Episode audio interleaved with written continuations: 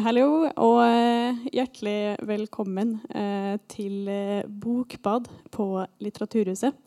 I dag har vi vært så heldige at vi har fått Kjersti Andesdatter Skomsvold til å komme hit for å fortelle litt om hennes nyeste roman 'Barnet'. Skomsvold debuterte med 'Jo fortere jeg går, jo mindre er jeg' i 2009. Og hun har siden da markert seg som en av de viktigste stemmene i nyere norsk litteratur. Eh, og i dag ja, skal hun som sagt eh, gi oss et innblikk i den nyeste romanen sin 'Barnet'. Og den som skal lede oss gjennom samtalen i kveld, det er Siri Auland Bredesen fra Norsk eh, Forfattersentrum Midt-Norge. Og boka 'Barnet' den er også til salgs her i kveld. Den kan kjøpes i baren. Og etter samtalen så er det også gode muligheter for å få boka signert av forfatteren sjøl. Så ja, eh, da gjenstår det egentlig bare å gi ordet videre. En god applaus til Bredsen og Skomsvold.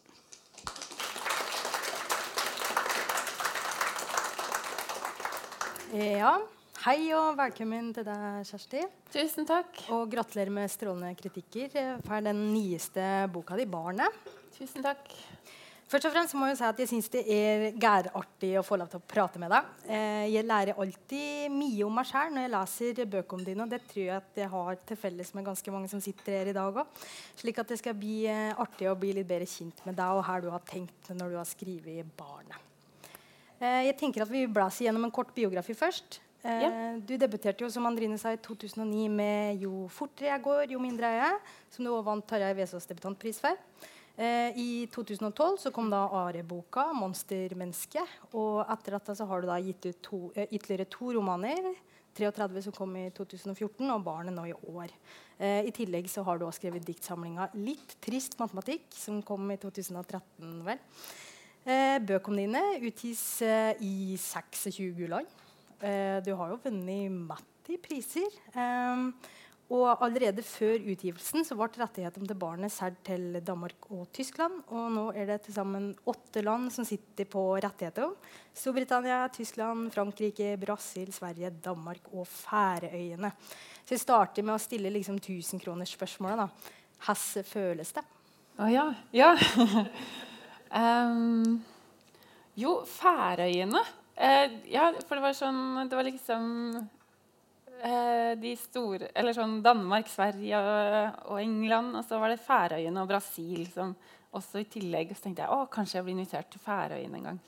Um, det føles bra. Det Ja. Eh, man veit jo aldri hvordan det er når en bok kommer ut. Man har hatt det aleine oppi hodet i så mange år. Eh, og det har tatt lang tid, selv om jeg ofte ikke skriver så tjukke bøker.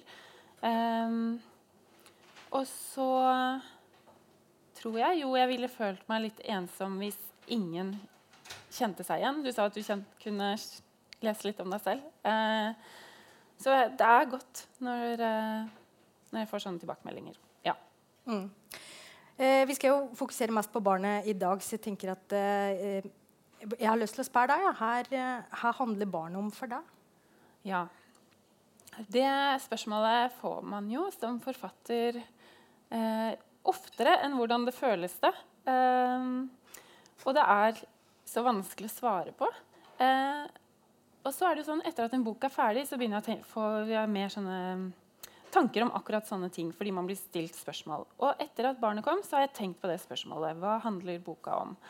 For jeg kan lese og si hva som står på baksideteksten, som er det redaktøren skriver. Og som, når jeg leser det, så er jeg sånn Å ja, er det det det handler om?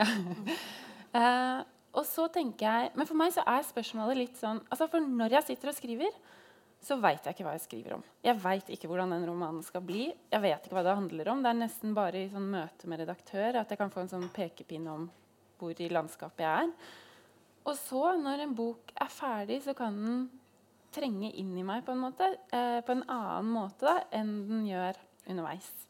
Og da er det nesten så jeg leser noe en annen har skrevet, at det føles litt sånn fremmed for meg. Mm. Og da blir det mu mulig å svare på det spørsmålet. Men samtidig så er det litt sånn jeg tenkte, Er det litt som å spørre sånn Hva handler havet om?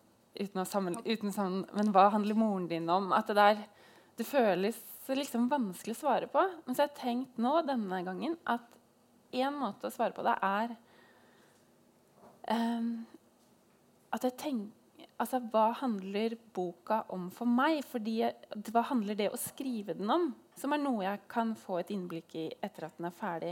Um, uh, og det er også det jeg er opptatt av når jeg leser romaner, er hvorfor måtte forfatteren skrive denne boka? Hva handlet prosessen om? Eh, mer enn hva, han, altså hva står i boka? Og når jeg leste den boka, så tenkte jeg at eh, jeg beveger meg fra en posisjon hvor jeg tenker at jeg ikke kan være nok for flere mennesker, at jeg knapt klarer å liksom mestre mitt eget liv, til å tenke at jeg forandrer meg da, gjennom skrivingen av den boka til å forstå at jo, jeg kan være, med, jeg kan være noe for flere. Eh, jeg kan ta vare på et annet menneske. Så jeg tror at det den boka har handlet om for meg, er den erkjennelsen. Og forstå og har forandret meg fra å tro at det her kan jeg aldri klare, til å se at det går. Ja. ja. ja. Eh, du svarer egentlig kjempefint. så jeg tror jeg bare skal Vi gjør et lite hopp i eh, disposisjonen min, for jeg tror vi eh, Vi hører uh, ene opplesninga allerede nå. Ja. Eh, den jeg egentlig hadde planlagt som nummer tre. Har du lyst til å, å lese opp den aller først? Det kan jeg gjøre. Da er det en som uh, har fått ett barn, og så to. Ja. Da gutten ble født, fikk jeg det for meg at hjernen min måtte se helt annerledes ut. Den måtte ha skiftet farge, form, og tankene som skled ut av hånden, burde dermed se helt annerledes ut. Jeg så for meg at jeg kom til å få tilgang til et helt nytt språk. Jeg ville dykke ned i en del av meg som jeg ikke har hatt kontakt med tidligere, og om nettene når jeg lå våken sammen med barnet, skulle jeg bruke dette helt nye språket til å skrive ord og setninger som verden ennå ikke hadde sett. Men det var ikke barnet som forandret og farget og formet hjernen min. Det var opplevelsen av å gå gjennom en krise. Og dette forandret ikke ordene, det stjal ordene, det ga meg ikke et nytt språk. Jeg klarte bare å skrive at jeg gråt. Jeg bare gråter og gråter og gråter, skrev jeg. Derfor føles det enda mer prekært at jeg klarer å skrive nå. Jeg våkner om morgenen og ser på deg, sier at i dag må vi jobbe vesla. Det var som om du måtte komme, som om jeg måtte ha deg å fortelle alt dette til. Du måtte komme og skape enda en ny begynnelse for at jeg skulle se de foregående årene noenlunde klart, se endringen som har inntruffet. For bare tre år siden satt jeg alene i leiligheten min mens jeg skrev meg gjennom dagene, nettene, og årstidene, og jeg spiste alltid den samme maten, kyllingpølser og laksefilet til middag annenhver dag. Og jeg handlet alt på nærmeste kiosk. Jeg syntes ikke jeg hadde tid til å gå til butikken som lå to minutter lenger unna, for det var så vanskelig å tenke på all den tiden jeg kastet bort på noe annet enn å skrive. Nå står jeg her og skriver, og på hylla ved siden av maskina ligger en halvspist skive med leverpostei. Det er resten av frokosten til gutten. Han ga den til meg da han og Bo sa ha det i morges. Det ligger en rosa smokk oppå skiva. Du spytter ut smokken hver gang jeg forsøker å putte den inn. Et nøkkelknippe ligger ved siden av. Kanskje gutten har funnet det på vei hjem fra barnehagen. Nå bor jeg i en leilighet full av små tårn av andre menneskers barndom. Livet kan forandre seg fullstendig. Ja. ja. Det er rett og slett noe som løsner, eh, hører vi jo i det lille utdraget der òg. Um, for jeg tenker at på mange måter så handler denne boka om å fortelle en vanskelig og veldig sammensatt historie. Eh, det er eh, historien om hvilke omstendigheter dette barnet fødes inn i, og utur. da. Eh, og det å ta noe så privat og egentlig kroppslig som opplevelsen av å bli mor er da, ute i offentligheten, må jo være utfordrende. Eh, for her eh, fødselsopplevelse er jo unik. Eh, og det bør jo kanskje ikke rosemales eller svartmales noe særlig heller. Men det er jo vanskelig å fortelle om barna sine og kjærlighet og samliv og nåværende partner. Det, det skriver du jo til og med om her. Så, så, det er kanskje en historie som tvinger seg selv til å bli fortalt i skjønnlitterær form. Ja, jeg, had, jeg, skulle jo ikke skrive denne romanen. Jeg satt og skrev noe annet som jeg kaller krimmen, som aldri blir helt forløst. Men uh, så dukker det liksom opp uh, underveis uh, noe jeg ikke jeg er alltid sånn at jeg klar, kan egentlig ikke bestemme hva jeg skal skrive. Eh, kan ikke, jeg hadde ikke tenkt at jeg skulle skrive om dette, men så er det noe i meg som gjør altså, Og ofte er det jo sånn hvis jeg tenker dette kan jeg ikke skrive, så må jeg skrive det. Nesten sånn tvangstankeaktig. Um, uh, så det var ikke noe plan om at det skulle um, bli en roman, men så skrev jeg etter at gutten den første ble født. Og så eh, hadde jeg masse da, stoff. Og jeg så jo at dette var Jeg så at det var roman. Um, for det er jo veldig mange måter å fortelle om det å ha fått et barn på. Og det som er i den boka, er noe annet enn det jeg forteller når jeg snakker med folk. Hvis jeg, med venninner eller familie eller noe. Og jeg har tenkt på det Hva er det i meg som skriver? At det nesten er som om det kommer fra en sånn fremmed del i meg. At, uh, og de næreste kan også oppleve det som helt fremmed. De som kjenner meg aller best, kan lese dette og nesten ikke kjenne det igjen. på en måte. Eh, og det er jo fordi det er noe, noen erfaringer som eh, er litteratur da, på en annen måte enn en andre og som kan bli fortalt på en annen måte. Og jeg liksom, tenkt på det. Hva er det i meg som skriver? Og på en måte så er det en sånn skjør stemme som ikke kan være i den virkelige verden, eh, men som insisterer da, på å tale seg frem. Og én ting er at den liksom skal tale seg frem gjennom det hverdagslige språket. Alt det automatiserte, det vi snakker om hele tida.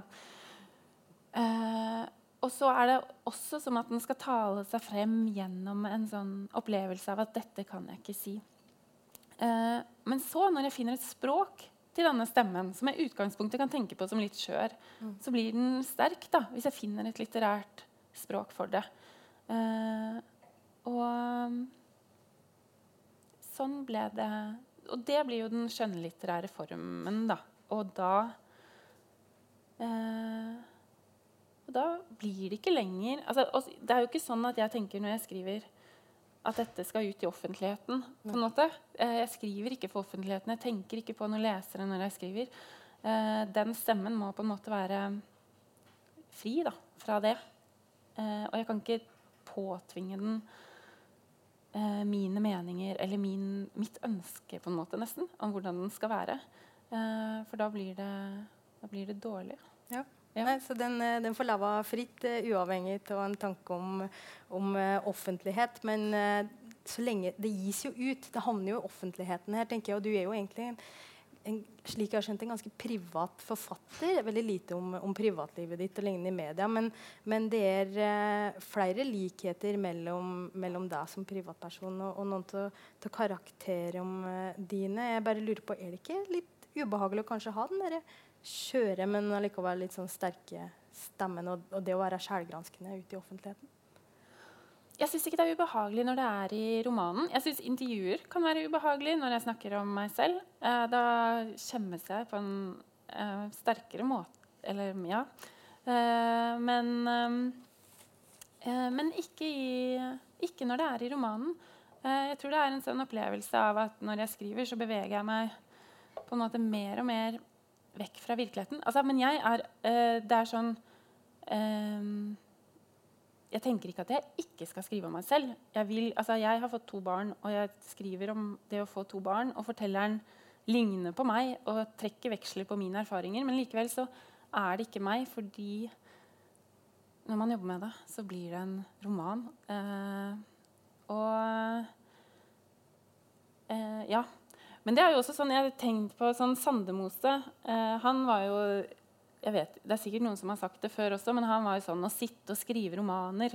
og han synes det liksom var sånn, Man må skrive om virkeligheten og stå for det. på en måte. Eh, og jeg kan også tenke på det sånn ja, at man driver og skal finne på andre navn til karakterene. For alle tenker jo at det er, det er en selv. Og jeg bruker jo mitt eget navn inn i boka. Eh, og så forandrer man, ja, Hvis man har døtre, så skriver man at det er sønner osv.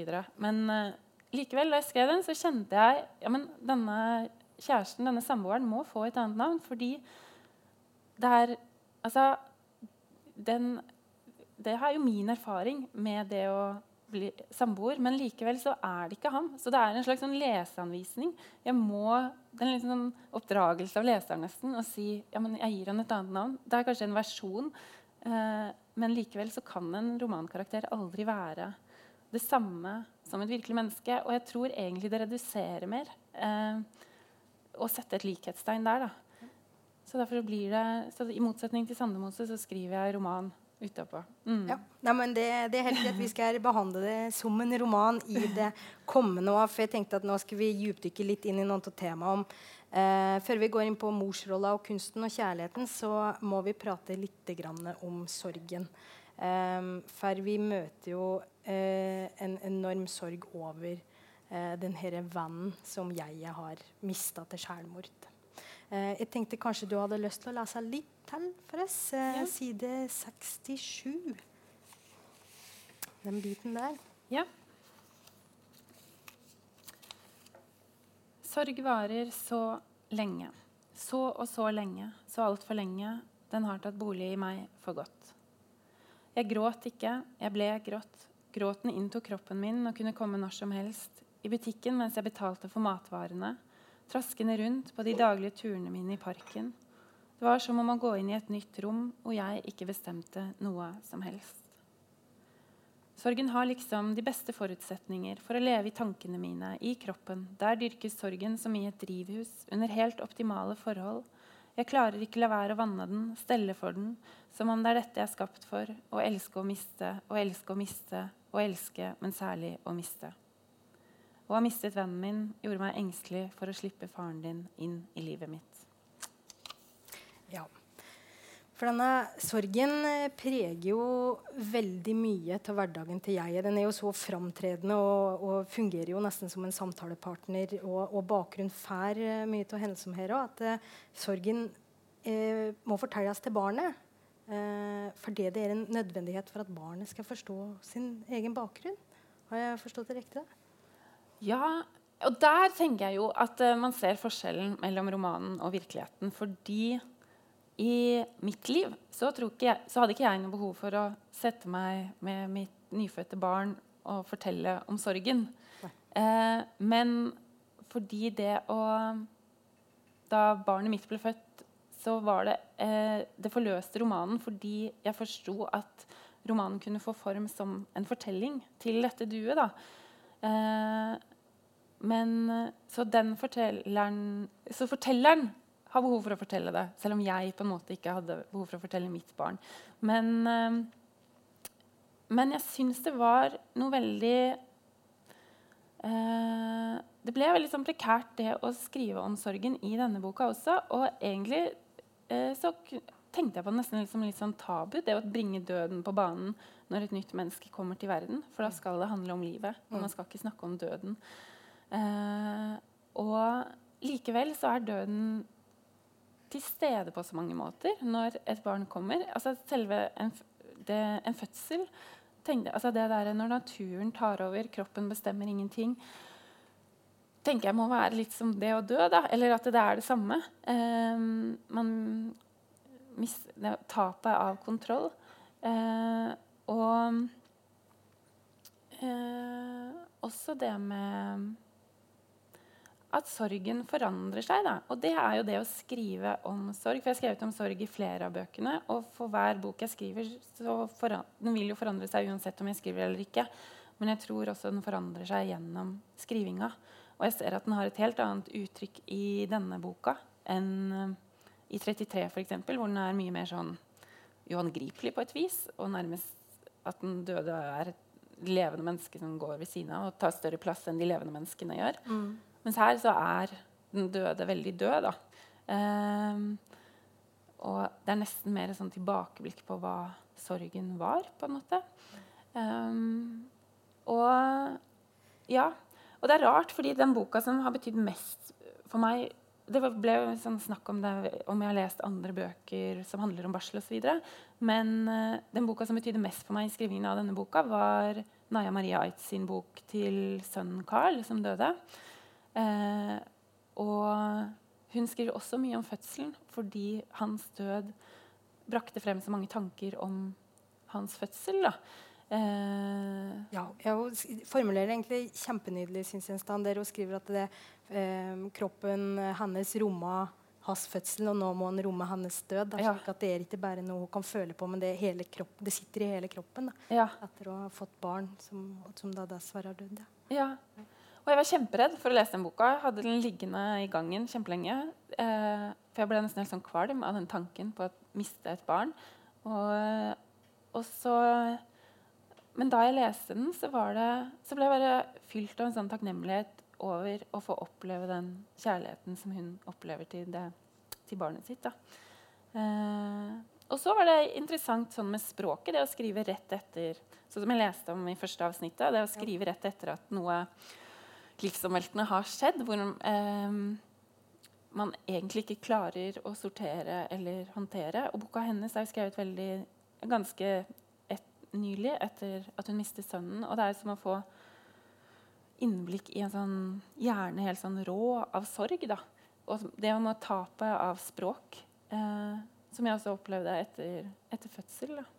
Um, så, jeg, så jeg, egentlig syns jeg sorg passa rett inn i en bok om, om å få barn. Ja. Mm. Men jeg tenker jo at um, den sorghistorien er nødvendig for at jeg òg har ikke den her romantiske historien å fortelle ungene sine om, om hvordan hun og Bo ble kjærester. For det tok fem år. Det tok lang tid. Ja. Eh, og, og, og kanskje um, Det virker som om jeg nesten har, har veldig dårlig samvittighet over at det skal ha tatt så lang tid og, og slitt på en måte med å finne ut at, eh, at Bo kanskje var, eh, var eh, verdt å, å teste ut. da. ja, han måtte vente lenge. Ja. Uh, det måtte han, stakkars. Men, uh, og det er jo mye den sorgen, tenker jeg, og så- som i avsnittet jeg leste nå, det med redselen for å slippe andre nære. Fordi folk går jo til grunne. Folk kan gå til grunne. Og uh, Ja. Så det er skremmende. Og også det å miste det blikket som en har hatt på seg selv og hvem man er. Og når det blir borte, og så skulle jeg erstatte det med et nytt, um, så blir tapet på en måte enda mer synlig på et vis. da. Ja, for det er jo gjennomgående i forfatterskapet ditt egentlig at uh, karakterer du skriver om, Ine havna litt uh, utafor samfunnet eller utafor seg sjøl. Altså, sykdom og dødsfall og store omveltninger er jo det som ofte går igjen i, i det du skriver. Og jeg opplever at de her karakterene må finne en annen og ny inngang tilbake til ja, samfunnet og verden og seg sjæl ofte. Um, og, og det tenker jeg at det syns jeg du er veldig finurlig språklig sett òg, for du har eh, Du berømmes jo alltid for å ha et så originalt språk, og det tror jeg skyldes veldig mye at du bruker bilder og metaforer som vi ja, Gine ikke har, har lest før, rett og slett. Og da eh, tenkte jeg på, på eh, Du skriver eh, et sted i boka her at um, Ja, du hører det. Jeget, da. Ute, Ja, ja. Jeget går det, ja, jeg går med, med storebroren i, i barnehagen og, og begynner å se eh, are ting. Se litt kanskje mer gjennom ø- øva til ungen. Altså om det er reik i pipa til sjokoladefabrikken, om det er unger som aker i, i bakken og, og slike ting. Merker du at eh, morsrolla har endret din måte å være forfatter på, eller har du fått et litt annet utsyn etter å, etter å ha fått unger og ser verden gjennom dem selv? Ja, ja, absolutt. Eh, på flere måter, tenker jeg. Altså, helt sånn konkret så blir jo arbeidssituasjonen veldig forandret. Fra å kunne sitte aleine i time etter time, dag etter dag, um, eh, og bare skrive, eh, så synes det jo i denne romanen hvordan eh, det er, hvordan jeg ikke har den samme tida lenger. Og det er sånn når barnet sov, barna sov, så var det kanskje var det 20 minutter. Så var det sånn Ja, da var det over. Eh, sånn at eh, det synes i skriften. Og det tenker jeg Det syns jeg er fint. da, Jeg liker bøker hvor du, hvor du kan se liksom eh, forutsetningene de har blitt til under. Og noen ganger så kan man nesten merke hvor forfatteren har vært. på en måte. Eh, og jeg, ser det jo her at det er veldig sånn, det er veldig sånn konsentrert. Det er ikke så mange sånne transportetapper, for det har jeg ikke hatt tid til å skrive. Og det, ja, jeg vet ikke, Det var ikke det at jeg tenkte at jeg ikke hadde tid, men det var liksom ikke på, Det var liksom kjernen med en gang. Eh, og sånn er det jo kanskje med barn også. Da, at de er veldig sånn rett til kjernen. Og jeg, jeg håper jo at jeg klarer å se Få et nytt blikk. og bru, jeg sånn der, Nå må jeg bruke disse barna til noe. Nå må jeg bruke det blikket og se, liksom. Jeg må følge med, fordi de sier så de sier så fine ting, og de ser andre ting. Men så er det jo ikke alltid man klarer å være der, fordi man tenker på et eller annet man skal ordne eller rekke. eller sånn. Men jeg vil jo være der. Jeg vil jo bruke, de, bruke det blikket til noe. Og eh, Ja. Eh, så jeg, jeg tror og håper at jeg eh, at, det, at det forandrer meg, da. Og det er jo sånn, noen vil tenk, altså Jeg vet jo ikke om man, alle skal få barn eller ikke få barn hvis man skriver. Noen vil jo ikke få barn fordi de skal skrive. Men jeg vil jo tro at det å få barn kan være en god ting for skrivinga også. Mm. Ja. ja. Det, det, vil jeg tro, for det sentralt uh, i boka her så står uh, både skrift og skapelse i, i dobbelt forstand. For vi prater jo om uh, å skape litteratur, og skrive er jo en, en ting som går at i romanen her. Men òg det rett og slett fødselen. da, Å skape et, et barn. Ja. Eh, og Vi skal jo forsøke å svare litt på, på spørsmålet om kunsten kan bringe oss nærmere livet, om morskapet kan bringe oss nærmere kunsten i kveld.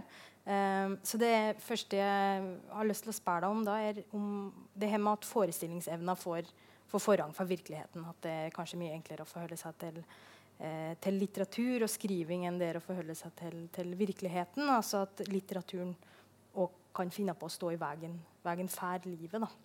Ja. Um, Tror du det er umulig å leve et vanlig liv som forfatter, eller tror du hun kanskje blir forfatter fordi livet kan være vanskelig? Nå kommer jeg på et sitat Nå husker jeg ikke hvem som sa det. Jeg tror det var en komponist uh, som sa jeg lever i fantastiske verdener og glemmer mitt liv som om det begynte å bli uutholdelig for meg.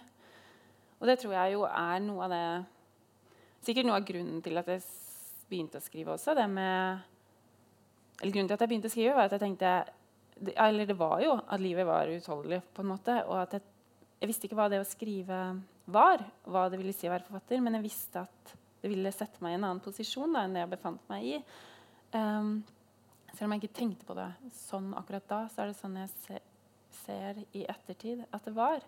Um, og jeg tror den forestillingsverdenen ble veldig sterk for meg. Og jeg tror ikke nå sier jeg noe jeg ikke har tenkt på før, men jeg tror ikke den er noe mindre av at man skriver tett på eget liv, eller at den er noe mer altså at den er like nødvendig på et vis. Det er en måte å være i verden på. da, Og eh, skape litteratur også ut av det livet en lever, eh, det en opplever.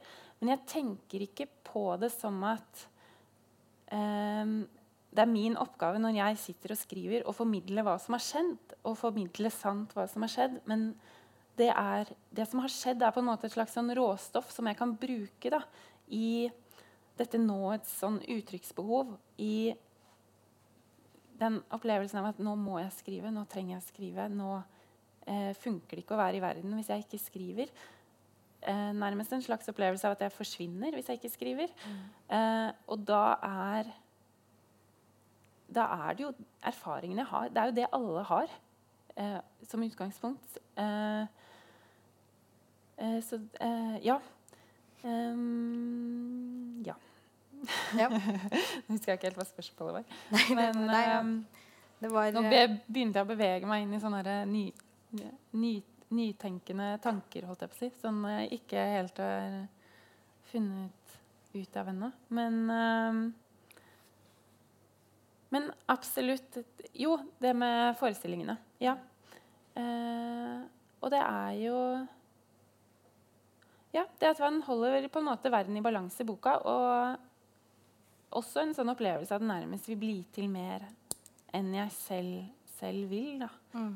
Eh, og eh, det med om det er nært på eller ikke det, eh, At jeg ikke jeg, trenger, jeg, jeg, har ikke noe behov for å formidle sant hva som har skjedd. på en måte. Men likevel så er det begrepet sannhet viktig for meg, fordi jeg kjenner når jeg sitter og skriver, om det oppleves sant. Eh, om jeg er på en måte tro mot egne tanker og følelser. Og jeg kan plassere det i hvilken som helst setting. Jeg kan godt gi det til en gammel dame eller hva som helst. Men det må kjennes sant da, når jeg skriver det. Og det er som at det er en sånn avstand eh, som jeg må komme over. I, eh, som ikke er mellom meg og det jeg skriver, men inni meg, som, men inni meg da, når jeg skriver. Ja. Eh, og hvis jeg, hvis jeg, ikke skriver sant, så, så, virker det sånn konstruert da, og villet. Eh, og det er også sånn her, at noen kan etterlyse De sier sånn God litteratur krever fantasi og research og hva mer er det man sier? Fantasi, research Ja. Eh, og det Jeg opplever det tvert imot. Jeg opplever at det kan skape avstand da, når du ser og sitter en som For det, jeg vil lære forfatteren. Ja. Jeg vil lure på hvem er det mennesket som sitter og skriver. Ikke sånn biografiske fakta, men eh, jeg, vil nære, jeg, vil være nær den forfatteren i skriveøyeblikket. Eh, og hvis jeg ser en som sitter og er veldig lur og finner på masse ting, så skaper det mer en avstand. da. Eller hvis jeg ser en som har gjort eller hvis jeg bare ser liksom researchen, eh, så er det ikke det jeg er interessert i. For research kan jeg gjøre selv. Mm. Uh, ja. Okay. Hvis det ga mening. Ja, ja. Jeg, jeg er litt usikker på henne jeg skal plukke opp tråden etter det her. Ja, Martin nikker her. Ja. det er noen som nikker. Ja. eh, nei, men jeg, jeg tar oss bitte litt videre. For det, eh, jeg har bladd litt i Monstermennesket i dag. Eh, og da beit jeg meg merke i én ting. For det eh, Monstermennesket handler jo ja, Det er jo en veldig veldig stor roman. En, den romanen er jo så stor at den kan jo faktisk romme alt annet du har skrevet eh, i den. Og på mange måter så tror jeg den rommer forfatterskapet ditt. For det er jo der du på en måte blir forfatter. Eh, men i den så skriver du litt om det å gå på Nansen-skolen og ha Stig Sæterbakken som skrivelærer. Og eh, på et tidspunkt i romanen så sier han at en forfatterkollega til han fortalte at det var først når hun kom i overgangsalderen og sluttet å være kvinne i biologisk forstand, at hun ble forfatter. Og nå er ikke det her nødvendigvis et sant, sant utsagn utafor romanen, men jeg syns at tanken er fascinerende. For det, Eh, du er jo egentlig helt motsatt nå. Eh, du tar jo en erfaring som er djupt knyttet til den biologiske kvinna, og skaper litteratur ut av det. Ja. Eh, tror du en må overskride og slutte å være kjønna for å være forfatter, eller har morskapet og forfatterskapet mye til felles? Det er så rart å høre hva man har skrevet før. Ja. jeg har ingen erindring. Og det er så rart, fordi når jeg da sitter og skriver det, så er det jo kjempeviktig for meg at det oppleves sant. Så jeg har sikkert følt masse når jeg har skrevet det. Og nå så er jeg sånn Hæ? Har jeg skrevet det? så det var som å høre noe noen andre har skrevet. Men, eh, eh men det var jo veldig interessant, da. Ja. ja. Eh, jeg tror ikke man må være ukjønnet var det det du, som, eh, for å skrive. Men, fordi det der er jo Det er så rart. fordi, altså, sånn som, Nå må jeg bare begynne et sted, og så ser vi hvor vi ender. Jeg husker jeg ble invitert til å snakke på en festival med overskriften 'Women and Glaciers'. Kvinner og isbreer i forbindelse med skriving. Som er veldig rart. Men da tror jeg de var sånn Ja, det kommer en forfatter fra Norge. Ja, Der har de isbreer, og så er hun kvinne. Det er liksom de to spesielle tingene ved denne forfatteren. Ja. Vi setter henne til å snakke om det. Eh, men så er det jo sånn, ikke tenker jeg på at jeg er kvinne når jeg går på isbreer, og ikke tenker jeg på at jeg er kvinne når jeg sitter og skriver.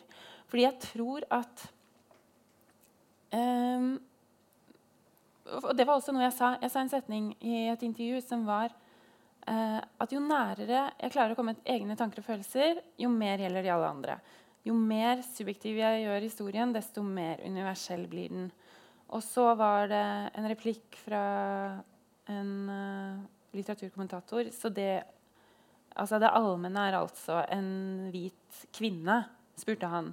Men så er det akkurat det jeg ikke mener. Fordi jeg mener at jeg kommer dypere under noe altså, Jeg sitter ikke og tenker på at jeg er en hvit kvinne når jeg sitter og skriver. Jeg prøver å komme litt dypere. Jeg håper jo at jeg kommer litt, litt dypere enn det. da.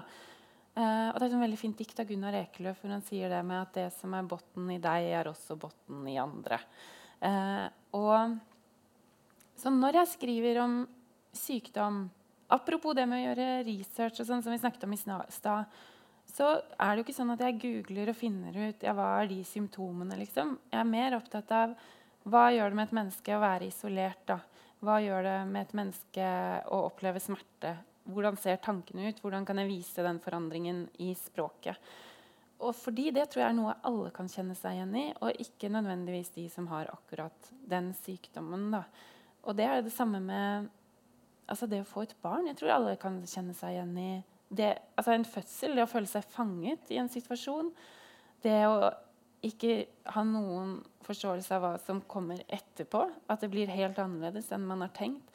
Sånn at eh, eh, Jeg tenker ikke på Nå er jeg kvinne og skal skrive om en kvinnelig erfaring, liksom. Men så tror jeg jo også at det at jeg er kvinne, gjør jo at jeg erfarer andre ting enn jeg ville gjort jeg, eller om jeg hadde vært en mann. Og dermed så blir jo også skrivinga preget av det på et vis. Um, men jeg tror ikke det kreves mye fantasi for å altså, Nå skriver jeg en bok prøver å skrive en roman hvor hovedkarakteren er en mann. Og jeg tenker nesten ikke over det. Jeg tror ikke det krever så mye fantasi å forestille seg. Jeg tror altså, at De menneskelige erfaringene er ganske mye mer altså, sånn grunnleggende. da. Mm. Um, jeg ville, ja. vil ha trodd at det kanskje nesten er like vanskelig å skulle skrive om noen som er 90 år, f.eks. Ja, og det var jo da sånn at noen trodde jeg hadde gjort masse research og gått rundt på eldresenter og snakket med folk. Men det var jo ikke sånn. Jeg bare forestilte meg hvordan det var å være gammel. For det tror jeg man kan kjenne selv om man er ung, da. Um, ja. Så Ja. Det er uh, den menneskelige erfaringa i uh, høgsetet. Um, vi tar en uh, liten timinutters pause, så dere kan få handle litt påfyll hvis ønskelig. Og så prater Kjersti og jeg litt etter pausa før vi åpner for spørsmål ifra død. Så da kan jeg tenke deg fram til om du lurer på et eller annet jeg ikke har vært innom. eller Kjersti. Ja, det jeg, hører jeg meg sjæl, ja. Right. Um, vi skal dvele litt mer ved det her, eh, altså fødselserfaringa, morskapet og kanskje den kvinnelige erfaringa.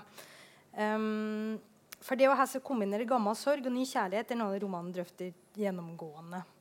Uh, vi får jo etter hvert vite at uh, ja, denne kjærligheten til Bo antagelig har vært større enn jeg, jeg sjøl trodde i starten. Um, og at den oppstår allerede på, på slappfesten til jegets første bok. Og da tenker jeg at vi skal få høre litt fra boka igjen. Ja. For det, det, Kjersti skal lese nå, da møter vi jeget i en søledam. Eh, men det er en metaforisk søledam fordi jeg nettopp da har sluppet første romanen sin og føler seg ikke helt, eh, helt lykkelig. Jepp. Flere år etter at jeg sto i den søledammen, oppdaget jeg at jeg skrev en roman om en hund som viste seg å være et barn. Nå slår det meg som ironisk at det kanskje var skrivingen som hindret meg i å få en familie. Beskyttelsen ble liksom for sterk. Forestillingsevnen var sterkere enn evnen til å se virkeligheten. Skrivingen ble en unnskyldning for å leve et kjærlighetsløst liv, og barnet var en melodi som ikke hadde blitt spilt. Å bli kjæreste med noen er liksom det mest kompliserte Nei, det står ikke 'liksom'. Det var noe jeg la til. Å bli Nå ble jeg sånn Hæ? Kan ikke skrive 'liksom'. Å bli kjæreste med noen er det mest kompliserte og det mest banale et menneske skal få til i sitt liv. Tanken gjorde meg nesten uvel. Jeg ville ikke tåle å være sammen med et menneske som var feil for meg. Jeg blir så fort syk når jeg velger feil. Da kommer sykdommen tilbake og knebler meg. Dessuten skjønte jeg ikke hvordan jeg skulle kunne ta vare på et annet menneske. Jeg syntes det var vanskelig nok å leve som det var. Etter sykdommen, da jeg ikke klarte noe som helst, var det nærmest umulig å se for seg at jeg kunne være nok for flere mennesker. Så jeg fikk en plante, en fredslilje, for å bevise for meg selv at jeg kunne få hund. Og så fikk jeg en golden retriever for å bevise for meg selv at jeg kunne få kjæreste og barn. Det med fredsliljen er ikke helt sant, men det er en sannhet i det likevel. For jeg bekymret meg når den så slapp ut. Tenk om jeg ikke klarte å holde liv i en plante engang. Det med golden, golden retrieveren er sant. Kunne jeg være så streng mot meg selv som jeg er, og samtidig gi omsorg og tid til et levende vesen? For det er jo ikke bare sorg og redsel for kjærlighet, men redsel for, for sykdom og det å ikke klare det som henger over det her jeget. Og det vi hører, er jo at jeget nærmest må, må sosialisere seg inn i, inn i ei rolle. Ja. Den herre morsrolla. Og den morsrolla er jo noe som um, ev altså Evolusjonen har jo bestemt at vi skal bære fram barn. Det, er, eh, det skal visstnok være innebygd i biologien vår å ville bære fram barn. Men, eh, men, romanen din, 'Barnet', er jo historier om ja, langtidssykdom, ensomhet, sorg og, og merke drømmer.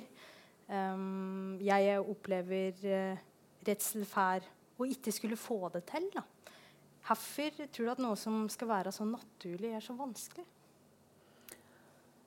Ja, jeg tror jo det for mange mennesker at disse Det som jo liksom er det mest naturlige, det å bli sammen Altså få kjæreste, det å få barn, det å få familie, er jo også de mest sånn omveltende tingene vi går gjennom da, i livene våre. Eh, og det Altså for noen virker det jo kjempelett. Eh, men jeg, jeg syns eh, at eh, bare tanken på det er helt overveldende, da. Så, men hvorfor det er sånn Nei, det tror jeg er Jeg må skrive mange romaner for å, for å, for å finne ut av. Men jeg er jo veldig opptatt av det med mennesket aleine og mennesket sammen med andre. Mm. Eh, det Og jeg er fortsatt opptatt av, eh, av, det, selv om jeg lever tett på andre mennesker. Eh hvem jeg er sammen med dem, hvordan, hva det gjør meg hele tiden være sammen med andre mennesker. Det å, hva gjør det med skrivinga å hele tiden være sammen med andre mennesker. Um, sånn at um, Og det synes jo i skriften, det også. Det å, tror jeg også er noe av grunnen til at det tok lang tid med denne boka, var det å eh, leve så tett på et annet menneske og få et annet menneskes blikk på alt. Det er jo nesten som at man adopterer den andres blikk, og plutselig er det det blikket som gjelder nesten sterkere enn ens eget blikk. Eh, så på et tidspunkt så var det sånn at jeg fordi han leste Kafkas uh, aforismer, så strøk jeg alt som ikke var en aforisme eller erkjennelse. liksom. Og så var det nesten ingenting igjen av boka, og så måtte jeg bare begynne å bygge opp på nytt. da. Um, og det å ha en voksen person, dele livet med en voksen person opplever jeg at preger skrivinga arbeidet på en helt annen måte enn det å ha barn gjør. da. Eh, fordi det er mye mer sånn oppi hodet. Sånn herre Hva tenker han, hva gjør han? på en måte, Hvorfor har han det sånn? Mens med barna så er det sånn Det er liksom så Jeg veit ikke. Håndgripelig på et vis. da. Eh, og så pass, altså Det er nesten som at det, barna bare, og litteraturen er én ting. Sånn som når du sier det med det å se verden gjennom et barns blikk. Det er så lett å på en måte bruke det i litteraturen på en helt annen måte enn et voksens, en voksen sitt blikk, syns jeg. da. Men Har du prøvd å skrive gjennom den andre voksnes blikk? noen gang? Vet du hva, Det skal jeg gjøre. Ja. Det bare en ny idé. Okay. Men jeg er veldig redd for ideer, egentlig. da. Ja. Så hvis det kan mulig dette bare er en god idé, og det, gode ideer er ofte et dårlig tegn. Men uh, ja. Men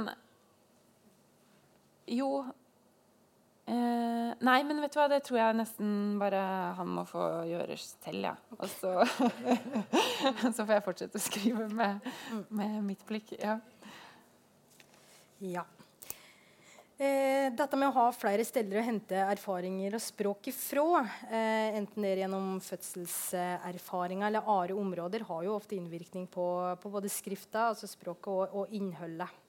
Um, og det her med deltakelse i samfunnet og hvilke forutsetninger og hvilke motivasjoner en har for, for deltakelse i samfunnet, er jo noe du tematiserer uh, veldig ofte uh, i, um, i, forfatterskapet ditt.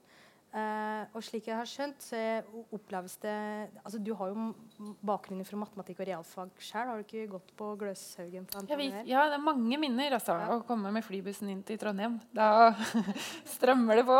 ja. ja. ja og, og, matematikk er jo et språk i likhet med det språket vi jo sitter og, og bruker akkurat nå.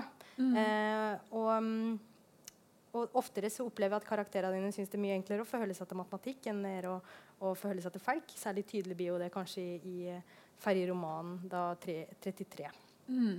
Eh, Diktsamlinga di heter jo 'Litt trist matematikk', så der er matematikken på en måte eh, sentralt og i hvert fall løfta opp i tittelen.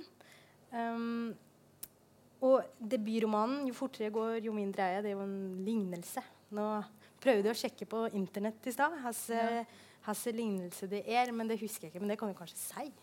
Er det noe Einsteins Ja, ja. Eh, det er basert på Einsteins relativitetsteori. Jo ja. fortere en masse beveger seg, jo mindre er den. Mm. Da huska jeg riktig, mente jeg. Ja. Um, men for oss som er uinnvidde i matematikken, så tenker jeg at jo fortere jeg går, jo mindre er jeg. Høres ut som en veldig fin og poetisk tittel. Um, føler du at du henter mye styrke skriftlig i det å ha flere språk og, og erfaringer å spare med? Ja, Det med matematikken først så tror jeg nærmest det var en sånn herre Jeg må bruke dette til noe, så ikke alle de årene på Gløshaugen var bortkasta. mm. uh, men så ser jeg Det jeg tror det, det, som minner meg om skrivinga, er den derre måten å sitte og arbeide med Altså det matematiske språket, da. I time etter time. Og prøve å forstå liksom hvor dypt det setter seg på et vis. Det er nesten også sånn, det kan minne om det å lese en annen forfatter. tenker jeg, Hvor du har noen forfattere som du nærmest kan kjenne at forandrer hvordan hjernen virker. da, At språket forandrer seg. på et vis. Altså, du har forfattere du kan lese og streke under en setning og bruke videre. Men du har også forfattere hvor, hvor språket liksom setter seg i deg. Og det, det var en sånn opplevelse da jeg holdt på med matematikken. det å at det setter seg sånn i hjernen at det liksom forandrer hvordan man tenker. da. Eh, så det, det kan jeg kjenne igjen. Eh, og også så tror jeg det var fint det med det, med det studiet var å lære at jeg ble så tålmodig i det å arbeide med noe. Eh, det å finne ut av noe. At selv om jeg ikke fikk det til, så visste jeg at hvis jeg fortsatte, så kom jeg til å få det til. Da.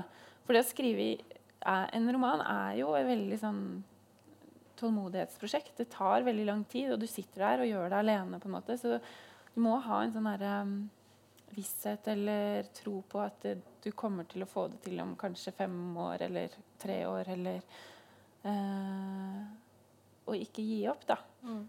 Uh, så det tok jeg med meg. Det fra matematikken. Mm. Ja.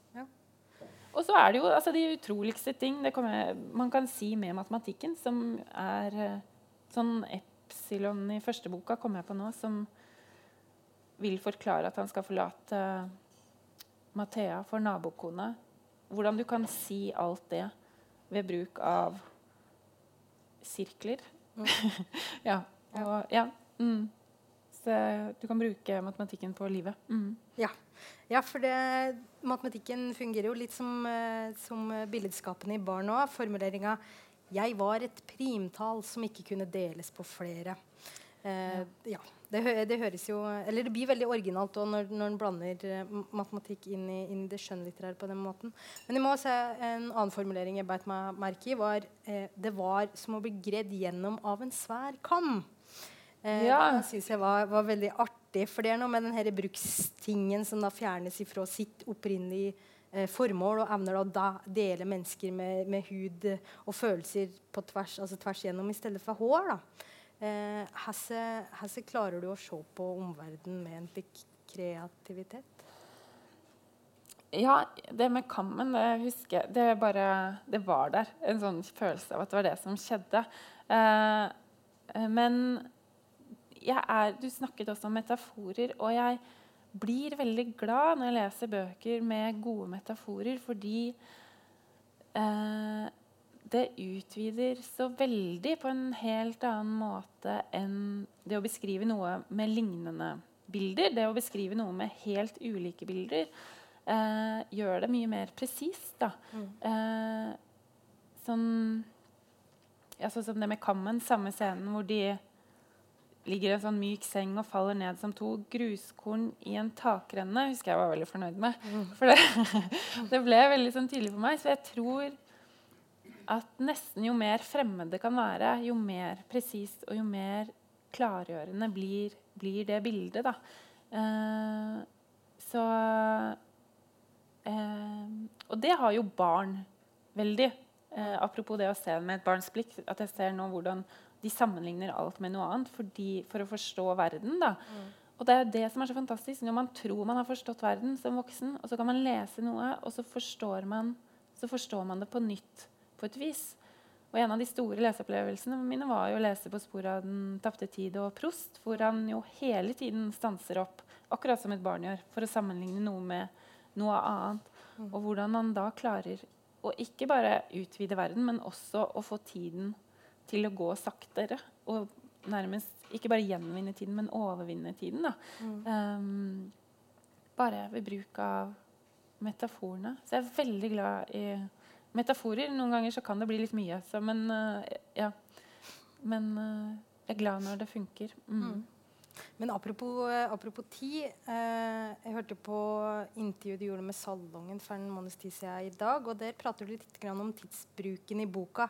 At, at det kanskje er en, en, dag som strekker seg over flere måneder. Eller, altså, her, her tenker du om tidsforløpet i boka. Ja, ja, for Det er også veldig rart med å skrive en roman og det at det kan ta så innmari lang tid. Fordi eh, jeg fant ikke noe form til den. Eh, den var liksom bare masse løse fragmenter. Og så hjalp det veldig da jeg fikk dette barnet som jeg kunne fortelle det til.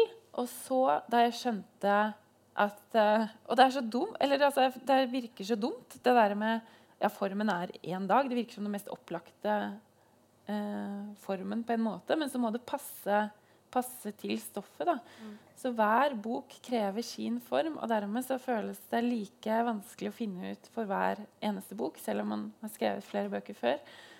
Men da jeg skjønte at uh, de kan stå opp om morgenen og legge seg om kvelden, men at barnet kan bli eldre i løpet av den dagen, da, mm.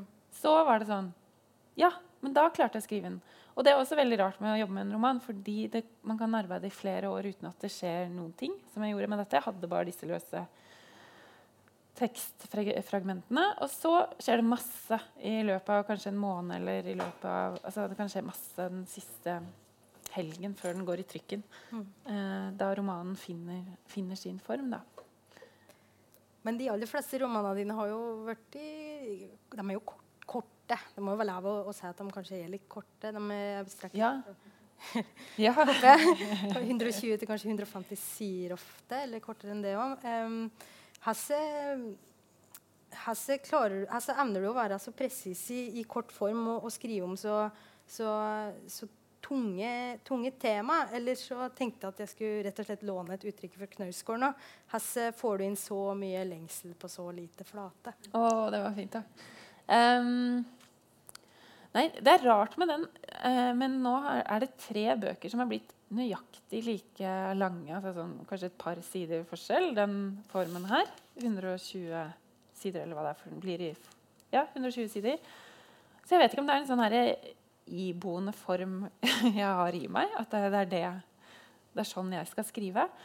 Men jeg pleier liksom å det pleier, Ja, det kjennes liksom riktig. Og det er også det med å åpne rommet til en roman, er at man idet man begynner å skrive, nærmest merker hvor stor den skal bli. Men sånn som med Mannsmennesket, så bare kjente jeg her er det stor Tar masse plass, liksom. Mm. Uh, mens med disse, og den jeg skriver nå også, så tror jeg sånn 120 sider. Og først, Det har forandra seg nå disse årene, da, fordi jeg uh, husker uh, agenturet, eller agency, eller hva man sier, de var veldig sånn herre Flott om du kan skrive litt lenger.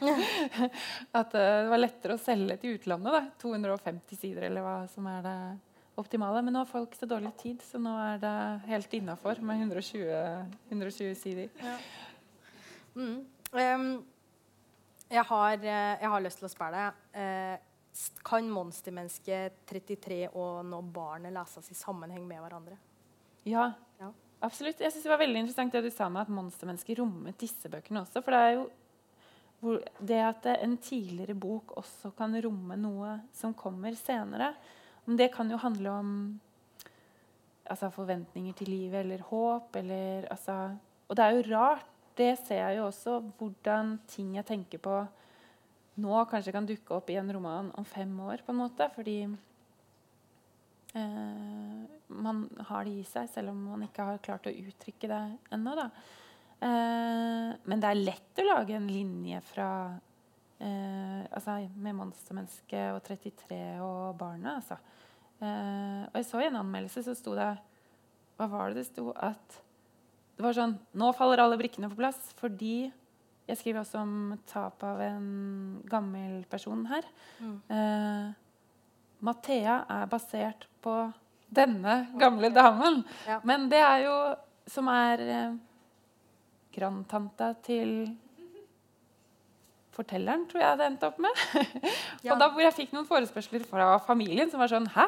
Har vi en grandtante? Altså, ja.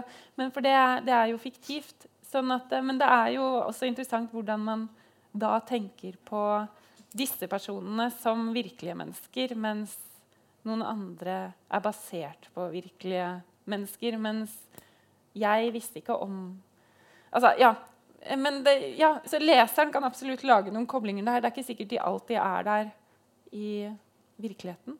Men, uh, men det går an. Ja. ja. ja jeg, jeg, har jo bitt meg særlig merke i det med barn. Da, for det, I 'Monstermennesket' så møter vi jo eh, Kjersti som er sjuk og lurer på om hun kan få unger. i det hele tatt. Og i 33 så er det jo fra første side så er det barneønske der. Og, og, fire år etter 33 kom ut, så kom da barnet. Ja. Eller, eller hele to barn. eh, i mm. barnet, da. Ja. Eh, jeg har kort lyst til at vi skal tematisere barselshøsten. Jeg tror ikke vi kommer utenom det. For det, i den offentlige litteraturpraten så har det jo vært gammel fokus på barsellitteratur i høst. Eh, familien har eh, lenge vært det store eh, med ja, romaner som 'Ja og at ja' og 'En moderne familie' og 'Vær snill med dyrene'. Eh, og så I høst så kom da Mikkel Bugges 'Du er ny'. Eh, diktdebutanten, Kristin Storusten eh, sin diktsamling har fått navnet 'Barsel', rett og slett. Eh, her tror du dette fokuset på familie og fødsel skyldes, og leser du sjøl romanen? Um, altså, jeg visste ikke at det var Men også er det jo sånn, folk har jo skrevet om dette før. Uh, så, men det var jo veldig morsomt for Dagbladet å lage en sånn sak, sak, ut. Det er jo det avisen gjør før Nå var det jo lenge før også bøkene de fleste hadde kommet. Men eh, hvor de kan si ja, nå skriver alle om dette, eller nå skriver alle om dette. Um, og så Ja. Um, hva skal jeg si om det? Det var, det var jo en rar uh, rar debatt. Og det som gjorde debatten litt rart, var jo at det var liksom negativt uh, uh, Hvor disse mennene uttalte at dette er et problem, at det kommer bøker om barsel. Og det er jo interessant fordi det aldri blir omtalt som negativt hvis det er andre temaer. Så det tror jeg jo handler om at det er en kvinnelig erfaring. Mm. Eh, og at noe som ikke skal snakkes for mye om, på en måte, og ikke skal ta for stor plass i litteraturen. Og jeg snakket med Oktober forlag har jo sånne høstmiddag da, når bøkene har kommet. Og da satt jeg ved siden av um, noen av disse damene som har skrevet um, 'Vi var mange', en feministbok hvor de skriver om abortkampen osv. Og, og hun fortalte meg at uh, nå vet jeg ikke hva slags undersøkelser de har gjort, men det var sett på liksom, dette temaet gjennom tidene. Da, hva som er skrevet, helt tilbake til Bibelen. Mm. Og det påfallende var hvor lite det var. Mm. Fordi det har nettopp vært noe som ikke skal ta, ta stor plass. Uh, og så tror jeg det er ganske sånn tilfeldig, kanskje. Eller at, uh, altså Det vet jeg ikke hvorfor det kommer flere bøker med det nå. Men det som er med en sånn kategorisering rundt temaet er jo at man kanskje går glipp av ting som er viktigere ved bøkene enn nettopp Eller altså motivkretsen, da. Fordi jeg tenker, altså Når jeg lest noen av disse bøkene, og eh, f.eks. Monica Isakstuen sin, så er det ikke det jeg tenker så mye på om motivet om det dukker opp en fødsel. på en måte. Det er flott at de gjør det. Jeg synes det er kjempebra at folk skriver om det. nettopp også fordi det har tatt liten plass. Men, tror, men det jeg kjenner på, er jo det ras, raseriet og språket som finnes i den boka. Det er jo det eh, jeg bryr meg om, og som eh, gjør altså Jeg tror det hadde vært mer interessante sammenligninger å gjøre da, enn altså, Det er veldig sånn, lett å velge det ut fra motiv og tema. Mm. Um, men, men jeg syns det er flott at folk skriver om det. Men jeg tror ikke det er sånn at man Men det var jo veldig rart med den, der, med den uttalelsen. var jo sånn at ja, nå, det betyr at forfattermiljøet i Norge er for tett. At folk skriver om det samme. Men fordi vi går på de samme litteraturfestivalene. Men det er jo ikke sånn at man går på litteraturfestival og spør ja, du, hva skal du skrive om i den neste mhm. roman. Som, ja, du, og den kommer om fire år, ja. ja. Altså, man, det er helt umulig å planlegge. Og, tenk, og, det er nettopp det at jeg planlegger jo ikke hva jeg skal skrive om. Uh, og jeg skjønner det ikke før etterpå hva jeg har skrevet om. Mm. Uh, så det var et um, ja, merkelig utspill, men som uh, det som er interessant, tenker jeg jo, er at noen sitter og tenker at dette temaet ikke skal ta plass. Og det syns jeg er bra at kommer frem i lyset, og at vi ser det. Mm. Ja, for, for, jeg tenker, altså for det første kan det jo bare hende at eh, forfattere nå har begynt å få unger samtidig. At det er så enkelt og greit som det òg.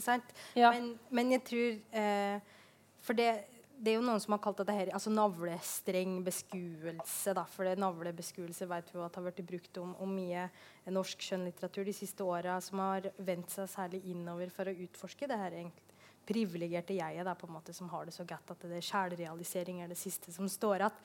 Men jeg syns jo det, eh, det reduserer jo litteraturen, rett og slett.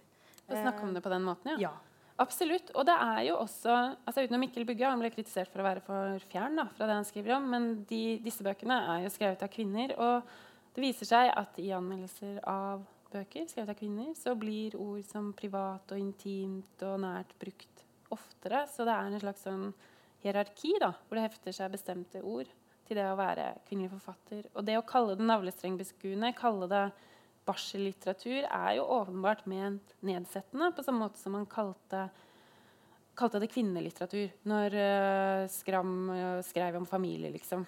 Uh, sånn at Så det er jo det er litt trist at det er sånn ja. ennå, men det er bra at vi ser at noen sitter og tenker sånn nå, tenker jeg. Ja. Ja.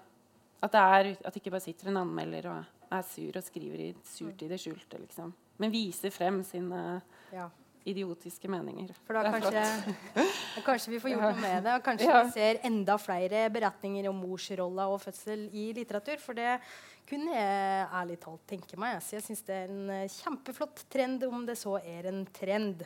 Ja. Um, jeg tenker at vi kan åpne for noen spørsmål fra salen. Hvis det er noen som lurer på noe eller sitter inne med en betraktning. eller...